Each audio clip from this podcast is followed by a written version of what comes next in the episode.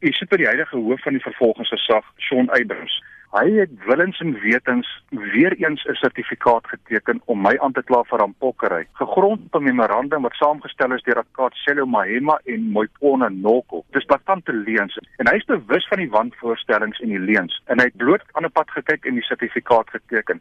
So in my oë sit ons met Shaun Abrams wat in my oë ook 'n politieke lakei is. Waar het die mense gekom aan moordbendes? Daardie hele storie is 'n ding wat opgedis is deur elemente binne ons eie misdaadintelligensie in samespanning gedoen met 'n sekere Sondagblad en die hele idee was om by my uiteindelik uit te kom. Toe hulle niks teen my kon kry nie, toe hulle nou ek kyk te minder eenheid voorgehou as 'n moordbende en hulle aangekla vir aanpokkery.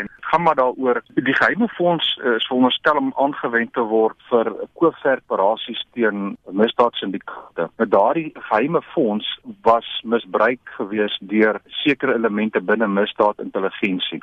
Terselfdertyd is ek ook besig gewees met 'n ondersoek na 'n uh, besigheidsman in KwaZulu-Natal met politieke verbintenisse en uit die staanspoort om my probeer stop die ondersoek. Later het hulle my hof toe geneem om die ondersoek te staak. Hulle dit verhoor in die hof. Toe het hulle my probeer omkoop met 2 miljoen rand en ek het hulle toe gearresteer toe al die goed nie geslaag het nie, toe het hulle nou met hierdie sogenaamde moordbende wat ek bedryf opgedis. Intussen is die dinge herhaalde kere al in die hof, die regter Gowen in die Hooggeregshof 3 jaar terug al bevind dat daar geen getuies om daardie beweringe te staak nie. Jy was 6 keer in die hof en jy's nog altyd nie by die ja, werk nie. Die Arbeidshof en die Hooggeregshof in KwaZulu-Natal al 6 keer uh, het ek die sake gewen teen die polisie en teen die vervolgingsgesag en in al die gevalle moes die staat my regsonkoste en hulle eie regsonkoste betaal. En nou?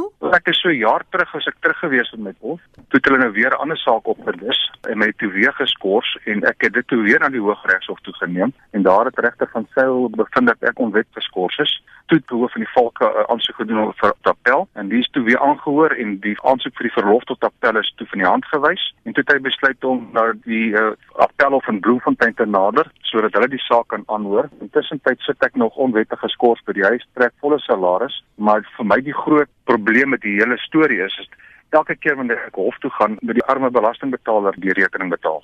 Wat het geword van meneer Pandy? Destyds toe hulle met probeer omkoop het, is hy gearresteer, hy en kolonel Navin Madud. Albei het reeds in die hof verskyn en toe het advokaat Moipone Noko van die KwaZulu-Natalse vervolgingsgesag die saak teen hulle teruggetrek toe ek terug is by die kantoor vir die uh, nuwe destydse hoof van die vervolgingsgesag Akad Ngasana versoek gerig dat hulle die saak moet hersien. En intussen tyd toe hy dit nou gedoen het toe sy op die deur gewys. So 3 weke terug het die huidige hoof van die vervolgingsgesag uiteindelik aangekondig dat hulle nou wel vir Panday en Madu gaan vervolg vir die poging om my om te koop. Maar daar is ook twee ander sake waarin hulle betrokke is, die 60 miljoen rand saak waar hulle die verkrygingsregulasies van die polisie gebuig het en dan sal ook 'n 15 miljoen rand saak wat hulle ook uit die polisie probeer bekom het. Daardie twee sake is meer as 'n jaar terug al weet ek hersien deur 'n prominente advokaat in die vervolgingsgesag en dis ek bewus daarvan dat hulle maart laas jaar het hulle aanbevelings gemaak aan advokaat Abrams. Hy het die een saak het hy nou besluit om aan te kla en uh, lyk my hy wag nou vir verdere voorleggings van Panday hulle af. Johan, wie is die politieke skakel wat meneer Panday het? Ek het 15 miljoen rand gevries wat aan meneer Pande uitgespit word. Die staatspresident se seun Edward Zuma het na my kantoor toe gekom en hy wou gehad dat ek 15 miljoen rand ontvries en laat betaal en ek het toe geweier. En dan is daar ook die neef van die staatspresident, Dibo Mzobe, wat geregistreerde vernoot is van meneer Toshom Pande. Ek dink hulle sit drie besighede saam. Ek het iewers gelees dat jy baie respek het vir Robert McBride. Hoe so?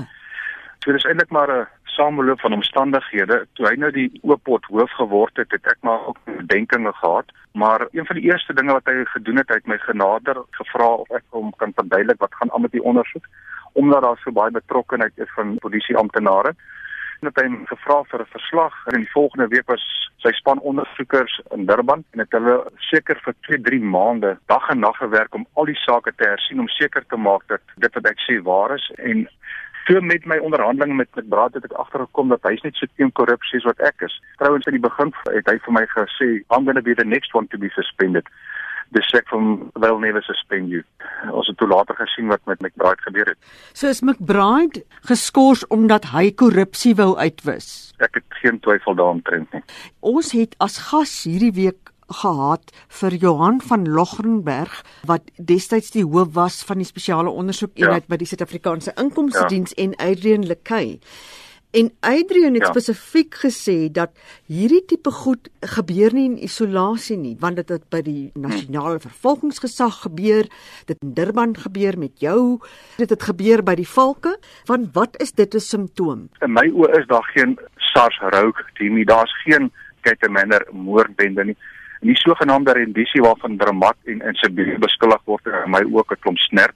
As jy kyk, is daar altyd 'n gemeenskaplike deler in hierdie saak is.